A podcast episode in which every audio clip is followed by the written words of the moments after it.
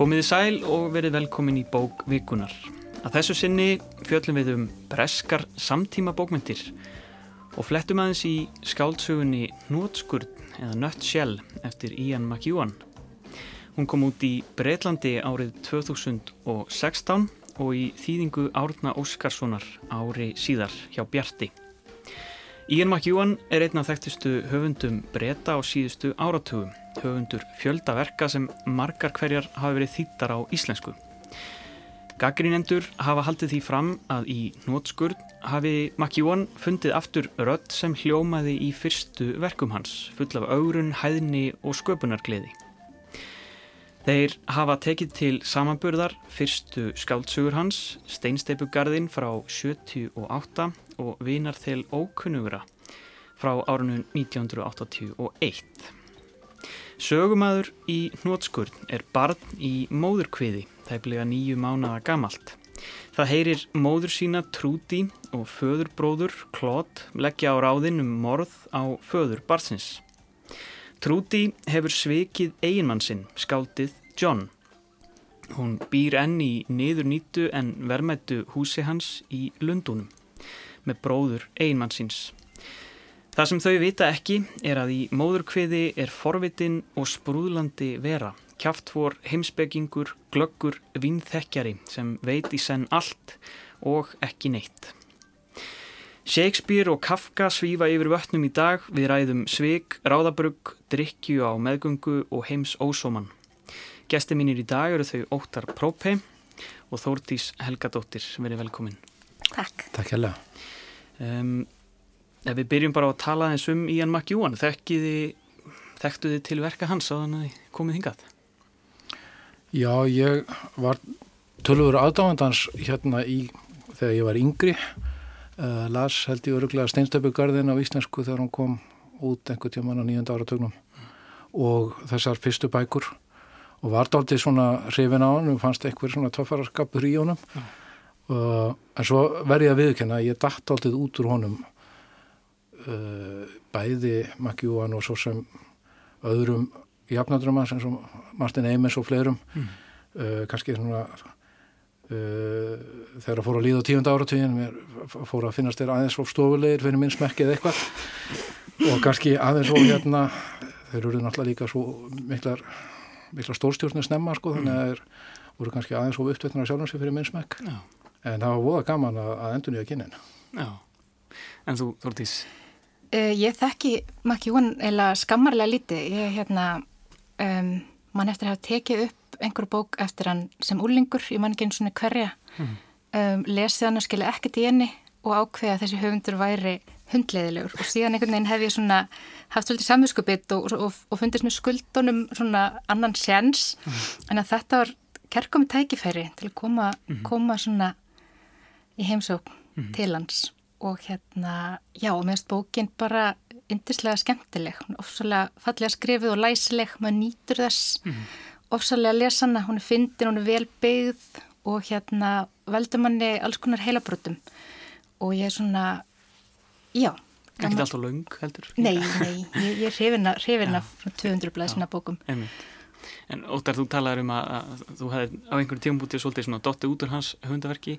Hann uh, hefur svona fengið það orða á sig að hafa orðið svona svolítið, ég las eitthvað staðar svona uh, að það sem að var að skrifa væri svona þægilegar millistjétta skáldsögur. Já, það hefur nú kannski kannski eitthvað að gera líka bara með að hann auðvitað var vinsæll og fór að, að fá verlaun og, og það er búið að vera kvikmyndabækurnar hans og svona þannig að hann verður aldrei allra líka fyrir vikið. Mm -hmm. uh, það sem að rifiðast upp fyrir mér að lesa þessa bók er sko hvað hann er í eðri sinu mikill sögumadur og mikill stílisti og ég var eiginlega bara satt að segja alveg búin að gleima því. Ég var aldrei upptekinn eins og ég segi af, af því að mér fannst þarna hans kynsluð enskra sko höfunda, sérstaklega kall höfunda að verða einhvern veginn aldrei svona upptekna af, af sjálfum sér og, og detta svona inn í næstu í stofudrama, endurlösa sögur af miðaldra uh, profesorum og rittöfundunum sem að voru að halda fram hjá konunum sínum og eitthvað svona, þetta var svona mm. þreytandi bókmyndir en hérna en mér finnst hérna Mackie One, hann er hann er auðvitað, hann er að taka sjansa sem að maður einhvern veginn held ekki, maður setti, setti ekki fyrirfram í, í samengi við hann. Þetta er náttúrulega tóltið brjálaðis að skrifa þessa sögu bæði út frá sjónarhóttni svona alvitus fóstus Já. og bara það er svona trikk sem einhvern veginn getur mjög auðvitað sprungið í allitið og höfundi held ég. Þetta er náttúrulega bara gimmick. Þetta er náttúrulega bara gimmick, sko. Grímulaust, svona, svona svolítið óforskammað gimmick Já. að gera þó- þetta. Já, og þóra síðan að, að uh, í raun og veru að stela frá eða, eða taka Shakespeare í raun og veru svona sem fyrirmynd Akkurat. og komast svona upp með það og gera það svona ljómandi skemmtilega. Það fannst mér Mm. bara, það, þetta var verulega skemmtilegu lestur. Já, Já. ég er sammála. Minnst þér svona leikgleði í bókinni. Minnst þér svo hann einhvern veginn, hann er bara mestari, hann er establiseraður, búin að vinna öll velun og núna getur hann bara leift sér að fara inn í stúdíóið sitt og taka öll þessi verkværi sem hann hefur algjört vald á og bara svona leika sér. Hann þarf ekki að sanna neitt og hann bara leifir sér, hann leifir sér rosalega mikið. Svona ódýra fimmur á brandara og orðagrín og vísa bara hægri vinstri allt og ekkert og kemur þetta almennt upp með það. og kemst algjörlega upp með það. Heldur, heldur svona þjættöknin um, um taumana samt. algjörlega. og það hann hefur aðeins verið gaggrínt sko að hann stekkur svona stundum uh, svona talar í gegnum hérna persónuna sína með svona uh, já, óvinsæra skoðanir stundum er að tala gegn hérna Brexit og, og tala á móti uh, hvað kallum við það svona PC hérna uh, Já, svona pólitísk svona, réttíni. svona, svona ré- pólitískra réttsýni á köplum og er svona aðeins að leifa sér að, að vera daldið ekki bara eitthvað gáað fóstur heldur líka í raun og veru daldið svona gamall fúll kall sem að er að tala í gegnum það. Inni, sko, og... Það er svo þessi karakter sé bara svona snoppaður, miðaldra, velmentaður, fáaður, bretti, Já. svona aftur allt saman skoðanir. Já, en hann skrifar það svo flott að maður einhvern veginn bara svona, maður er farin að svona trúa þetta er svona, þetta fóstur er orðið svona gömlum frænda einhvern veginn. Já, sko. og, er talandi skáld, bara vellir upp úr honum hérna, einhver svona gullfallegar meittlaða setningar, samt algjörlega, algjörlega léttar líka. En svo er hann ofsalugu snobbir, snobbari þegar að kemur að því sko hvaða vín mamman má drekka. Hún, hún, hún fær sér mjög oft hvítvín, sérstaklega þessum að það líður á bókina. akkurat, það þarf að vera rétt frúa. Það, já, það hann er ekki vera- ánægð með það er ekki sama hvað hann fær. Akkurat, Ég held að það sé komin tíma að við eh, heyrum aðeins hérna, gefum þessu kjáftfóra barni orðið. Það er Árni Óskarsson sjálfur sem les. Svo hér er ég, á haus inn í konu, þólimóður með krosslaða handleggi og býð og býð og velti fyrir mér inn í hverju ég er, hverju ég megi eiga vona á. Augum minn lokast af eftirsjá þegar ég rifi upp hvernig ég barst áður um, ég hálf gegnsæjum líkanspoka, sveif sem í draumi í hugsanablöðru minni um enga haf, í hægum kollnísum og rakst mjúglega á gegnsæ mörk þess sem umlykti mig, opinskáa himnuna sem titraði af röddum svikulla samsærismanna en deyfði þær um leið. Þá var ég ungur og áhyggjulaus. Nú, þegar ég er alveg komin á kvolf, hef ekki þumlung sveigurum, nén þrýstast upp að maganum og höfuð komið í réttar skorður, eru hugsanir mínar á flegi ferð. Ég á einskis annars úrkosta. Eirað á mér þrýstist daga og nætur upp að blóðfylltum veggjónum. Ég hlusta, hugsa með sjálfum mér og hef áhyggjur. Ég heyri hljóðskraf um háskalega áform og óttast það sem býður mín, það sem ég kann að dragast inn í. Ég er niðursokkin í óhlutstað hugtök og einungis með tengstónum þeirra á milli sem verða sífælt margþættari get ég ímyndað mér þekktan heim. Þegar ég heyri blár sem ég hef aldrei séð, ímynda ég mér einhvers konar vitsmjöðalegt tilvik sem er býstna nálagt grænum sem ég hef aldrei séð.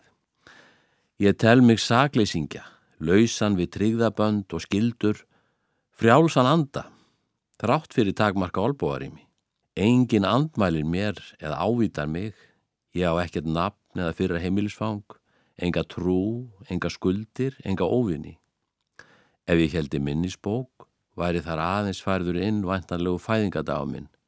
Ég er, eða ég var, trátt fyrir það sem erðafræðingar segja nú, aukt spjald, en hált og gljúft spjald sem ekki kæma gagni nokkur í skólastofu eða húsklæðningu, spjall sem skrifar á sjálft sig eftir því sem það vext dag frá degi og hinn auðir hluti þess mingar. Ég tel mig saklýsingja, en svo virði sem ég sé vitorsmaður að ráðabruggi. Móðir mín, blessa sér þrótlust, hávart og guttlandi hjarta hennar, virðist eiga hluta máli. Árni Óskarsson las þarna upphafið að þýðingu sinni Nótskurð eftir Ian McEwan.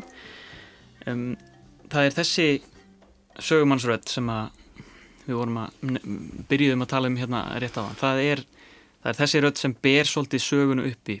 Sögu þráðurinn, plottið þannig séð er ekki flókið en, en það er þarna sem að það er þetta sem grýpur mann, er það ekki?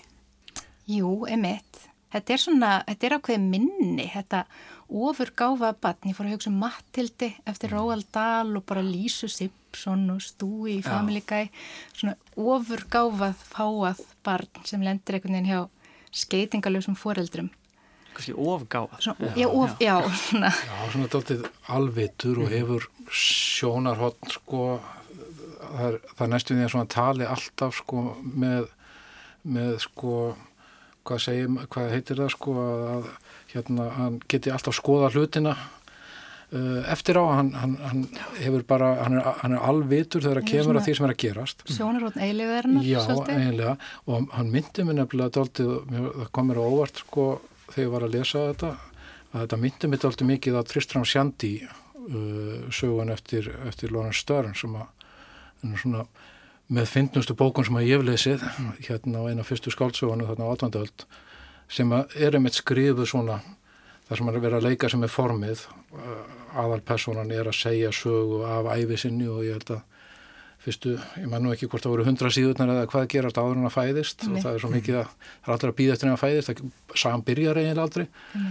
og þetta er svona sögupersona sko sem er skeitingalöð sem lesandan, hún þarf ekki að hafa áhyggjur af því hvað okkur finnst eða gefur það í skinn mm. þannig að maður hefur á tilfengjuna að sé svona hálf rausandi við sjálfan sig sko þannig að uh, og kemst einhvern veginn svo upp með það maður mm bara svona þetta er eins og að sitja fyrir aftan einhvern skemmtilega en í rugglutall í strætó og detta inn í að hlusta á rausið. Þetta er svona eitt langur innri monologur Já. Mm -hmm.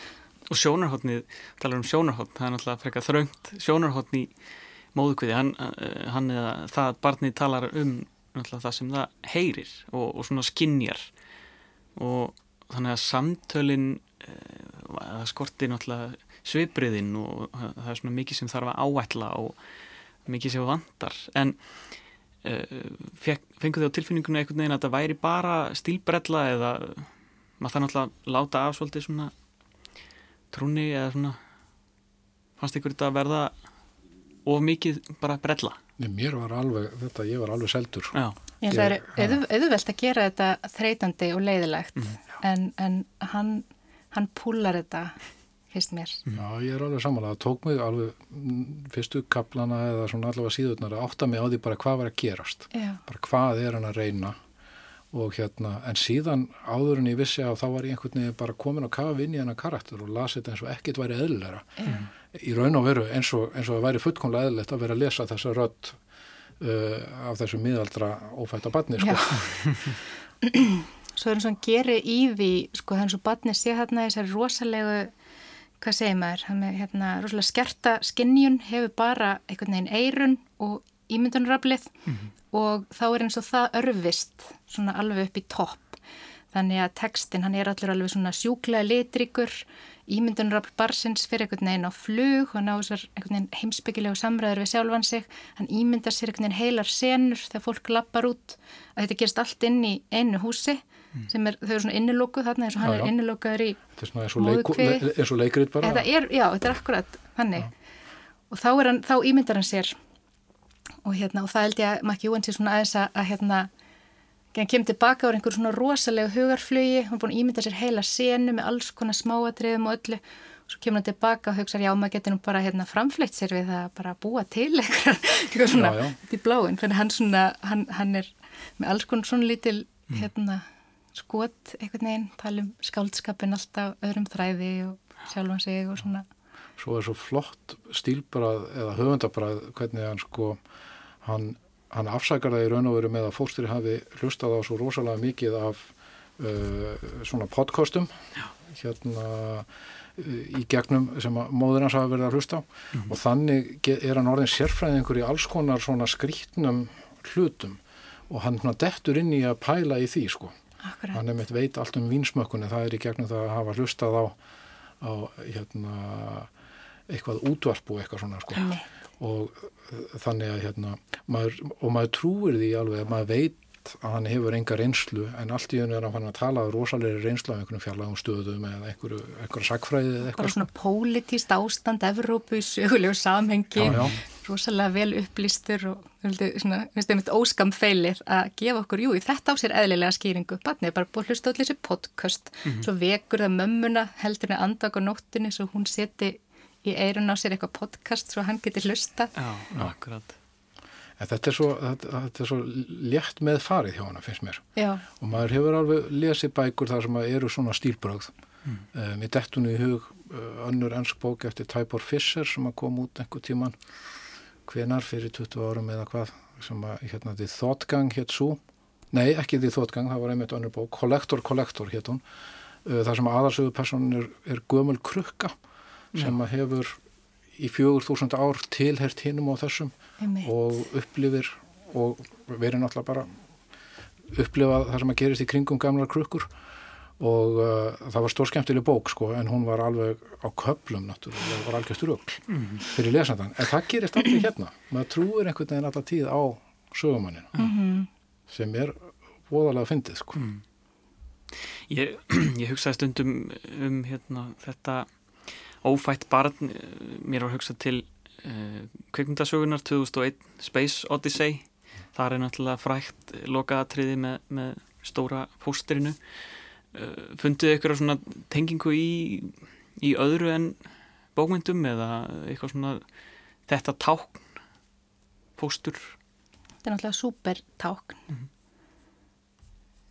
Já, nei ekki beinlínis, ég einhvern veginn, það er svo fyndið að ég bara var svo fljótur að meðtaka og trúa, trúa eða svona að, að ákveða að fara í þessa, þetta ferðalag með höfundunum.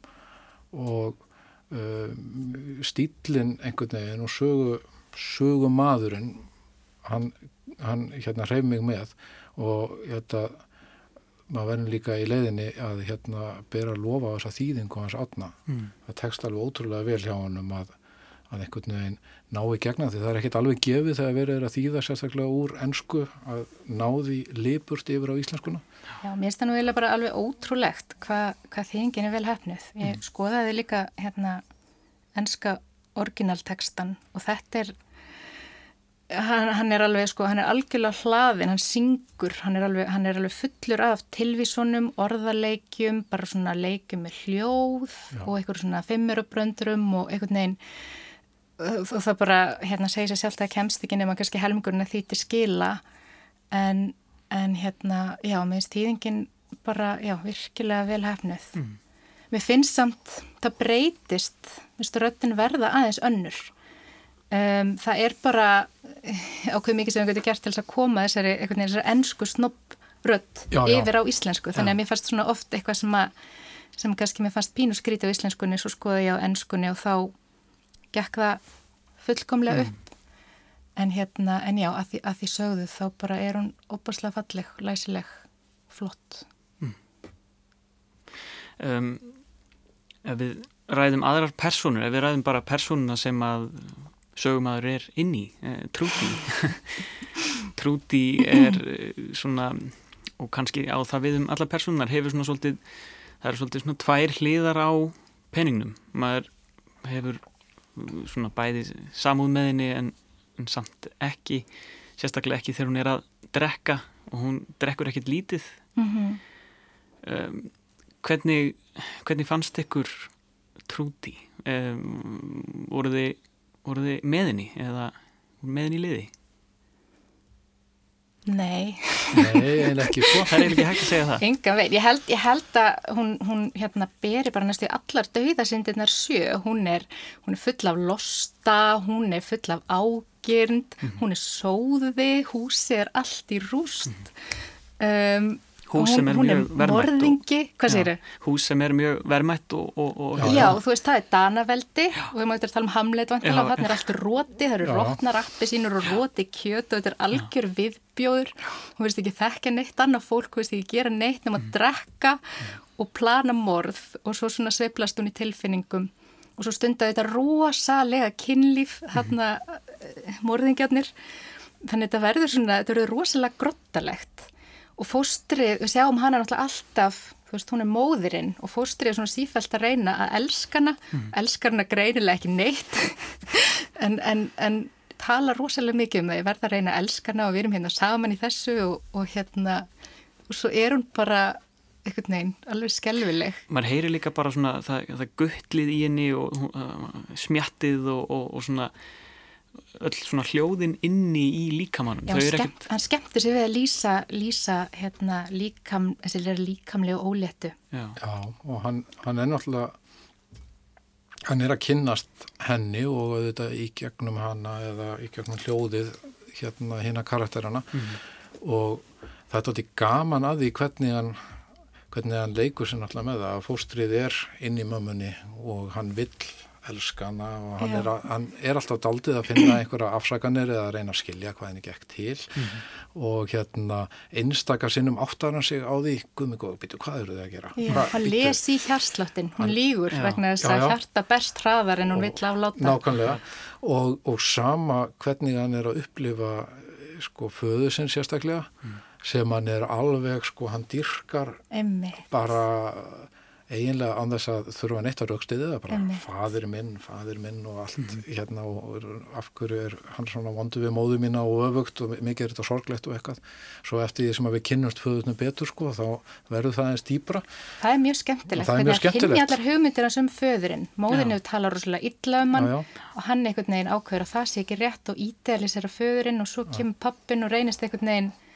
vera allt annar og þá koma tvist. Já, já, þannig að þetta er alltaf fram allir baka og það er hérna, það er auðvitað það sem að gerir þetta alltaf skemmtilegt. Þetta er daldið eins og skemmtilegt svona einhver svona stofufarsi í, leik, í leikhúsi að maður er einhvern veginn alltaf daldið að sveiflast uh, fram allir baka uh, til personan og til það sem er að gerast. Og plottið er í raun og veru ef við að segja bara mjög klassíst mjög klassist já. þetta er, hérna, þetta er bara mjög klassíst svona hérna ástarþrýrningur og, og ástur og afbríði og, og, og hvað. Og hérna samt einhvern veginn er það spennandi. Já. vegna þess að við erum að reyna átt okkur á því allan tíman aðeins hvar personum liggja og hann er alltaf að velta því fyrir sér annars lagið hvað gerist nú þegar að þegar það er nú að fara að stýttast í það, hann fæðist sko, þegar hann er komin í heiminn og hvernig verður honum tekið og, og í hvaða samhengi sko, þannig að hann auðvitað er að byrja að reyna að plotta hvernig hann að hafa áhrif á það til dæmis bara hvað hann er að búa og með hverjum og svo framvið. þar kemur svona tilvistar ángistinn inn sko. ófættur einstaklingur sem er svona meðvitaður um stöðu sína Já, þetta er í rauninni rosalega tragist að maður tekur eitt skref í burt og þá er þetta hann að barn sem að enginn vill einhvern veginn, hann, he- hann heldur í þá vona pappans viljan, þegar hann búin að komast að því að mamman ætla bara að láta hann frá sér og hún bara drekkur eins og svín og er alveg sama um hann, pappanum er líka alveg sama um hann og þetta er einhvern veginn hérna, skiljanlegt að sé hérna tilvistar til, tilvistar ángist einhver. Um, Já, það er eins og hann átti sér líka aðeins á því eftir því sem hann líður á söguna sko. Já, veist, ólétt kona komin á steipirinn, það er náttúrulega bara hlaðin bissa, þú veist það þegar byrjar Já, já. og allt þetta talum yfirvóndi fæðingu. Að á dramatískasta punkti sögunar þá á eftir að vera fæðing. Og það er hérna skemmtilega hliðstæður því að svo er yfirvóndi döiði og svo er yfirvóndi fæðing. Já, og hérna, og hann einhvern veginn já, veist, hún er bara svo vel byggð og upplýsingaskömmtunin þetta er bara svo, hérna snirtileg glæpasaga. Já, að fyrst einhvern veginn sjáum við að það er glæpur í uppsiglingu og svo fáum við alltaf svona fleiri og fleiri vísbendingar sem verður spennan um það hvort að morðingjarnir náist og í hverju skrefi einhvern veginn þá, þá heldur hann svo góðri spennu, finnst mér. Þótt hún sé full af plotthólum sem held að makki jú en segja bara svona frekar samum, þú veist, akkur þessi kona ólétt, þú veist, hvað akkur, akkur skilur hún ekki bara við mann, skilur þú veist, það eru svona ímislegt sem að gengur ekkert rosalega vel upp en ég held að honum sé, það, það er bara eins og með fórstýri sem að hlustar á podcast, þetta er bara suspension of disbelief Já. og við tökum þessu Já. bara svona. Það er bara, hann tala bara nógu rætt til þess að við gleymum að spyrja hann að því sko. Akkurat, Já, þetta er bara svona svo skemmtileg bíómynd, þú ótt ekki að spyrja um mikið og svo er þetta búið. Akkurat. Og svo er það þessi klót eh, sem að hérna er nú já við getum ekki sagt að sé skarpasta brínið í þessari sögu hvaða tilfinningu höfðið af honum. Maður, svona, maður var ansið nálat honum hérna, til dæmis í kynlífslýsingunum en hann er mjög fjarlæg persóna og hann er svona frekar svona þumbalegur. Já. Já, hann, hann, hann svona hérna leikur það hlutverk í sögunni að vera, hvað maður segja, þumbin sem að trublar hérna trublar líka uh, það sem að sögumadurinn veldi óska að væri romantíst samband mm. föður og móður sko mm -hmm. og hann kemur hérna upp á milli og það er hann, er að, hann rempist mikið við að auðvitað tala niður og tala um hvað hann sé vittlegur og lélugur og vondur og eitthvað svo Já, hann sko. hatar hann alveg frá fyrstu alveg frá fyrstu já, já. hvernig hann flautar og bara allt Já, já, og, og lögin sem hann raular eru svo ömuleg og, og svo framvegis og svo framvegis sko en um leið þá er hann daldið í raun og veru kannski eh, eini karakterin sem að reyfir eitthvað söguna sko. Mm. drýfur, drýfur söguna þarna fyrir utan. En hver veit hver klót er að því að, mm. að, því að hérna, þetta er náttúrulega innilega óáreðanlegu sögumæður við veitum ekkert nema, nema þetta þrönga En við veitum að þetta er yngri bróðurinn og, það, og maður gleymir í stundum einhvern veginn í gegnum, það ég allavega einhvern veginn uppliða þannig að maður glemdi því að þetta væri bróðir sinn eða sérst, bróð, bróðir að fremja morð. mér er það bróður að, já, á allar morð. Og man, manni fannst það mjög óþægilegt einhvern veginn þegar maður, já auðvitað þetta, eru, þetta er hérna eiginkona og bróðir. Mm -hmm. og það bjóð til mjög óþægilega þrúandi stemmingu. Já, þetta er algjörsvík algjörsvík á, á öllum sviðum. Og, og uh, kannski er það einhverju leiti vegna þess að hann getur falið sig á bæku sögumann sem er svona langt í burtu sem getur lært hann er að uppgöta hlutina eftir því sem að líður mm. og komast að því hvernig karakterinir, hvernig hinn karakterinir eru sko. Mm. Hérna uh, það einhvern veginn gerir kannski hinn að karakterina aðeins flatari eða, eða hvað ég, hann getur lefst sér allavega að gera það talsvægt afkáralegri held ég, held ég heldur en ef hann væri, ef við værum nærðum. Mm þannig að þvíleitinu til þá verður þessi frásagnamáti, hann er þetta skemmtilega aðferðafræði til þess að aftengja okkur lesendarnir og leiða okkur bara svona dálítið að hafa gaman af mjög yktu ástandi mm -hmm. alveg eins og við ætlum að tala um bara draslaraskapurinn og, og ruslið í íbúðinu og drikjan og svona maður maður er alveg hættur að kippa sér uppið, uppið það bara strax í þriða kapla að, að móðurinn sé sídrekkandi kvítvin sko. það er bara hluti af því sem er að gera þarna í, þessari, í þessum heimi sko. og þeim er líst bara mjög nákvæmlega og maður, maður upplifir vínin ekkert sem sko, drikja meðgöngu heldur bara sko, maður fara að vita hvað þau heita og, og þrúurnar og maður, maður flýtur bara með í Já, hann gefur manni náttúrulega afsökun sko, af því að hann segir sko framan af að þá sé hún að reyna að halda í við sig sko, drekki aldrei meir en tvö glös sko, Já. af því hún sé nú ólétt Já. og vilji hugsa um, um fóstir sko, en honum finnst það hins vegar svo ljómandi gott að hann, sko, hann vitt alltaf meira sko, eða segist vilja meira, þannig að hann gefur manni líka smá sko alibi alltaf. Já. Og ákveðin vín við ákveðinar aðstæður og, og, og, og svo, svo framvegis. Akkurat. Mér finnst, mér finnst svona eins og að vinna svolítið með þessar andstæður svona grottaskap og fáun. Mm. Það er textin er alveg svona ofurfáaður, hann er, þú veist, emitt, hann, hann syngur og, og er með hérna læriðar tilvísanir. Þú veist, á einni línu þá er hann að vísa í Shakespeare og Blake og Jane Austen, bara, þú veist, í fjóru, mm. hann hendur þessu svona út og, alveg, og, og hérna, allt þetta um þrúurnar og maður efast aldrei um, um hérna, Hann hefur hlust á hljóðbækur alveg. Já, en, svo, en svo, er, svo er allt svo grottalegt í þessu. Mm. Það er allt þetta, allt þetta grottalega kynlíf sem einhvern veginn verður alveg, hérna, lýsingarnar af því alveg skellvelega. Að lýsa því innanfrá er kannski svona aðeins grottalegt. Já, og hann er með á heilanum einhvern veginn, þau eru alltaf stundið, þetta kynlíf og fóstri er með á heilanum einhvern veginn tippi á frænda sínum en Já. um leið er hann stattur inn í æxlunafærum annar mannesku, akkur er hann með allt þetta fröytíska, hérna, Já. þessar fröytísku obsessjón um bara óttast að fá einhvern veginn sæði og þú veist þetta er alveg Já, já. og svo þessir hérna, já, svo þessir hérna þeir eru hann vittlausir glæpamenn svolítið með eitthvað ráðabrugg sem eru illa uppbyggt og, og þetta hús og það er svona fyrst er svona ótrúlegur grottaskapur sem kontrastar ótrúlega skemmtilega við fáunina í Og það yfirborðinu. er, já, og það eru dálítið þarna, ef maður kallaði auka personur, örfáar sem að koma inn hérna lauruglukonan, rannsóknar lauruglukonan og hérna og náttúrulega ljóðskáldið, uglu ljóðskáldið Uglu skáldi sem er alveg uppáhald hjá mér, sammála. kona sem að yrkir bara um uglur.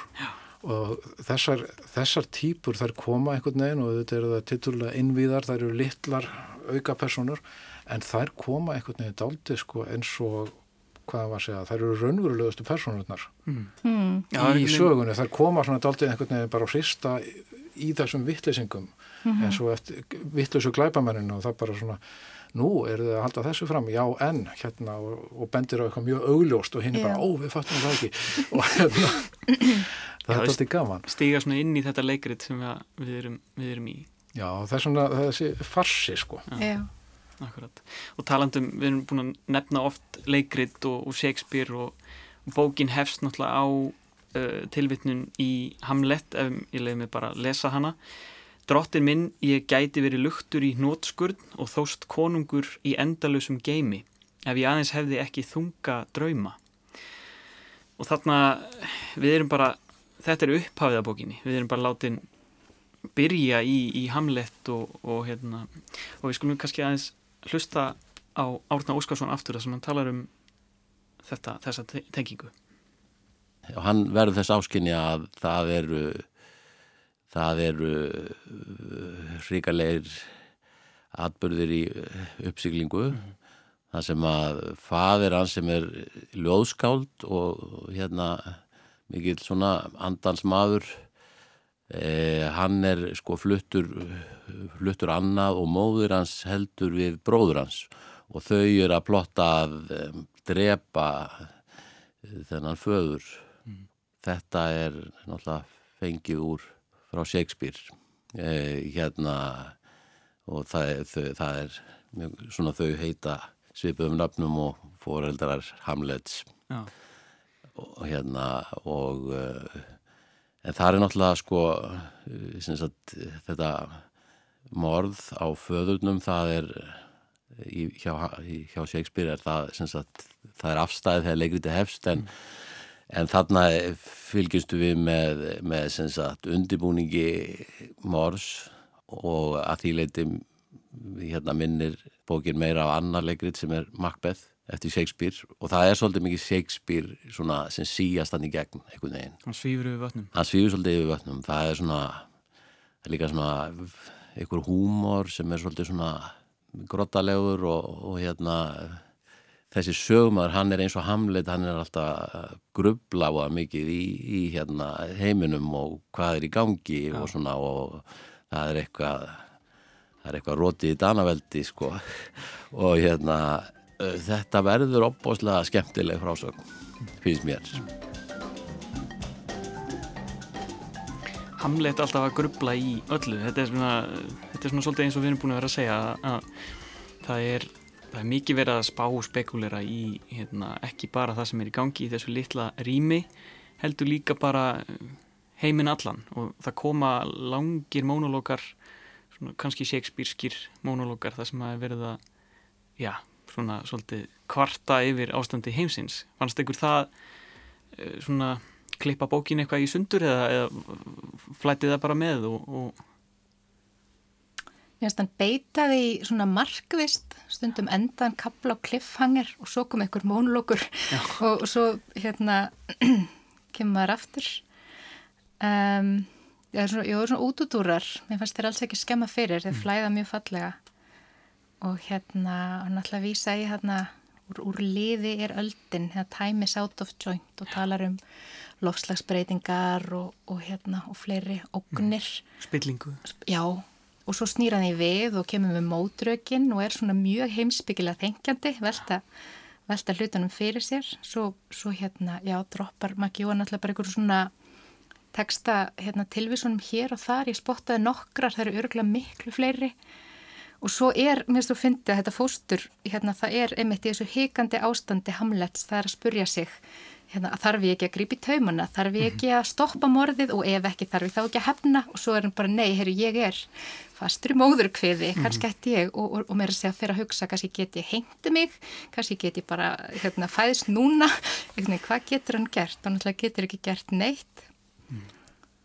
Nei, sko Já. að vera eða ekki vera Já, að byrja, að byrja bókina einmitt á einmitt fyrstu orðin eru, þú veist, svo hér er ég mm -hmm. og svo kemur framhaldinu svona hugleðing um að vera, ástandi að vera ja. þannig að hann er rosalega, þetta er alltaf mjög augljóst og mm -hmm. á mhm. yfirborðinu skemmtilega hérna, skemmtilega gert, finnst mér Já, og útutúrarnir þeir eru sko, eins og þú segir, þeir eru notaðið átti til þess að stjórna rithmanum eða Já. hraðanum í frásögninni mm. og gefa líka uh, aðpersoninni náttúrulega rúm sko til þess að velta fyrir sér hlutunum og hérna og setja í samhengi, hann er til dæmis í einhverjum miðjum pælingum um það hvað, sko, á hvaða ári miða við lofslagsbreytingar ef ég mann rétt hann, mm. hvað hann verði gamal, sko, árið 2090 eða 2100 mm -hmm. eða hvaða var og í, í því samhengi, sko, að hvernig hann eigi nú að koma í veg fyrir plott sem að er að gerast þarna fyrir utan, sko, mm -hmm. þannig að hann er hann hefur sko náttúrulega ofsalega trú á sjálfum sér og það er dóttið skemmtilegt og það er kannski dóttið Shakespeare hann er svona dóttið eins og nútíma bloggari að hann er bara einhvern veginn að vellur upp úr honum svona dóttið sjálfmiðað hérna skoðanir á, á mönnum málefnum og, og, og, og hvaðina sko mm. og hann alveg, hann skamma sér ekkert fyrir það. En hann er áhrifalös sko. En hann er eins og er áhrifalös gerist gerir sem meiri sé að daldi grein fyrir því sko mm -hmm. en lætur eins og ekkert sé sko. Það er daldi stiff upper lip svona einhver daldi ennsk stemming í því sko. Já, Já og vangaveltur um það hvaða heim er ég að fæðast inn í og get ég haft áhrif á hann eða á maður bara að slúta þessu? Þú veist mm -hmm. að þetta eru svona þessar þessar reysa spurningar einhvern veginn sem koma þarna milli í þessu frekar kjánalega plotti um að, um að heitna, eitra fyrir manni mm -hmm. svona, þetta eru svona stóru og litlu svolítið spurningarnar en eh, svona það fer að líða lokum hjá okkur en um, svona bókin já, í nótskurð eða svona og kannski teitillin, nótskurð maður segir að hitt og þetta sé í nótskurð en hvað er það sem er? Hvað er það? Já voruð eitthvað með svör við því? Hann er með eitthvað litla þarna um, um hérna, heimurinn er svo stór og við lifum bara hérna eitthvað pínulítinn pínlítinn tíma og, og hérna það þurf, hvað sem maður reynir að vera einhvern veginn viðtekur þá er maður alltaf að takmarka sig svo mikið og, og ef þú ert vísindamæður þá ertu bara kannski að rannsaka Higgs-bósitina sem er kannski ekki eins og niður til eða einhvern orm, þannig að hvað er að því að skrifa bara um uglur eins og þessi? Já. þannig hann er svona heldur smá varnaræði fyrir það að vera svona mínjatúristi mér finnst það svolítið fallegt og tengt af þess að nótskurð Alltaf fallegt, ég sko fyrst tók uh, þessa líkingu út frá náttúrulega hnótskurninu utanum fræið í raun og veru sko að það er netan sem að verður síðan að stóru tré sko. Já. og ég svona tengdi það daldi við hans stöðu í, í hérna móðukviði og hann væri að horfa á að nú síðan mundan öðurlast áhrif og, hérna, og verða fullorðin eða hvað maður segir, verða alvöru persóna. En ég hallast nú daldið að því að sko að vera saman á þér að þetta er líka að einhverju leiti varnaræða fyrir hvað maður segja þannig áhrifa litla svona einstaklingin sem að eh, svona fylgist með og, og hefur takmarkuð áhrif nema bara rétt á kannski sitt eigið lífið eða rétt svona hluta þess. Mm. og það það er kannski það sem að vera svo kunnulegt bara að í gegnum gorg, svona gorgeririnn og, og, og montið og hvað maður á að segja besservismar stundum mm. í bókinni að þá finnum maður þetta alltaf til með þessara personur sem að einmitt hefur mjög lítil áhrif að það sem er að gera sér kringum hann og það held ég að sé nú bara tilfinning sem að við nútíma maðurinn erum ágætt að kunna Varna ræða hins áhrifalösa ég held að það sé ágætt að loka orð Þórtís Helgadóttir og Óta Prófi, takk kjærlega fyrir komuna í bókveikunar. Takk, Takk sem leiðis. Bókveikunar er það með lokið, en það var hnótskurð eftir Ian McEwan. Ég minni forveitna hlustendur á ítalegri viðtölu og eldri þætti á heimasíðu þáttarins rúf.is skástrygg bókveikunar og í hlaðvarpinu. Takk fyrir að hlusta og veriði sæl.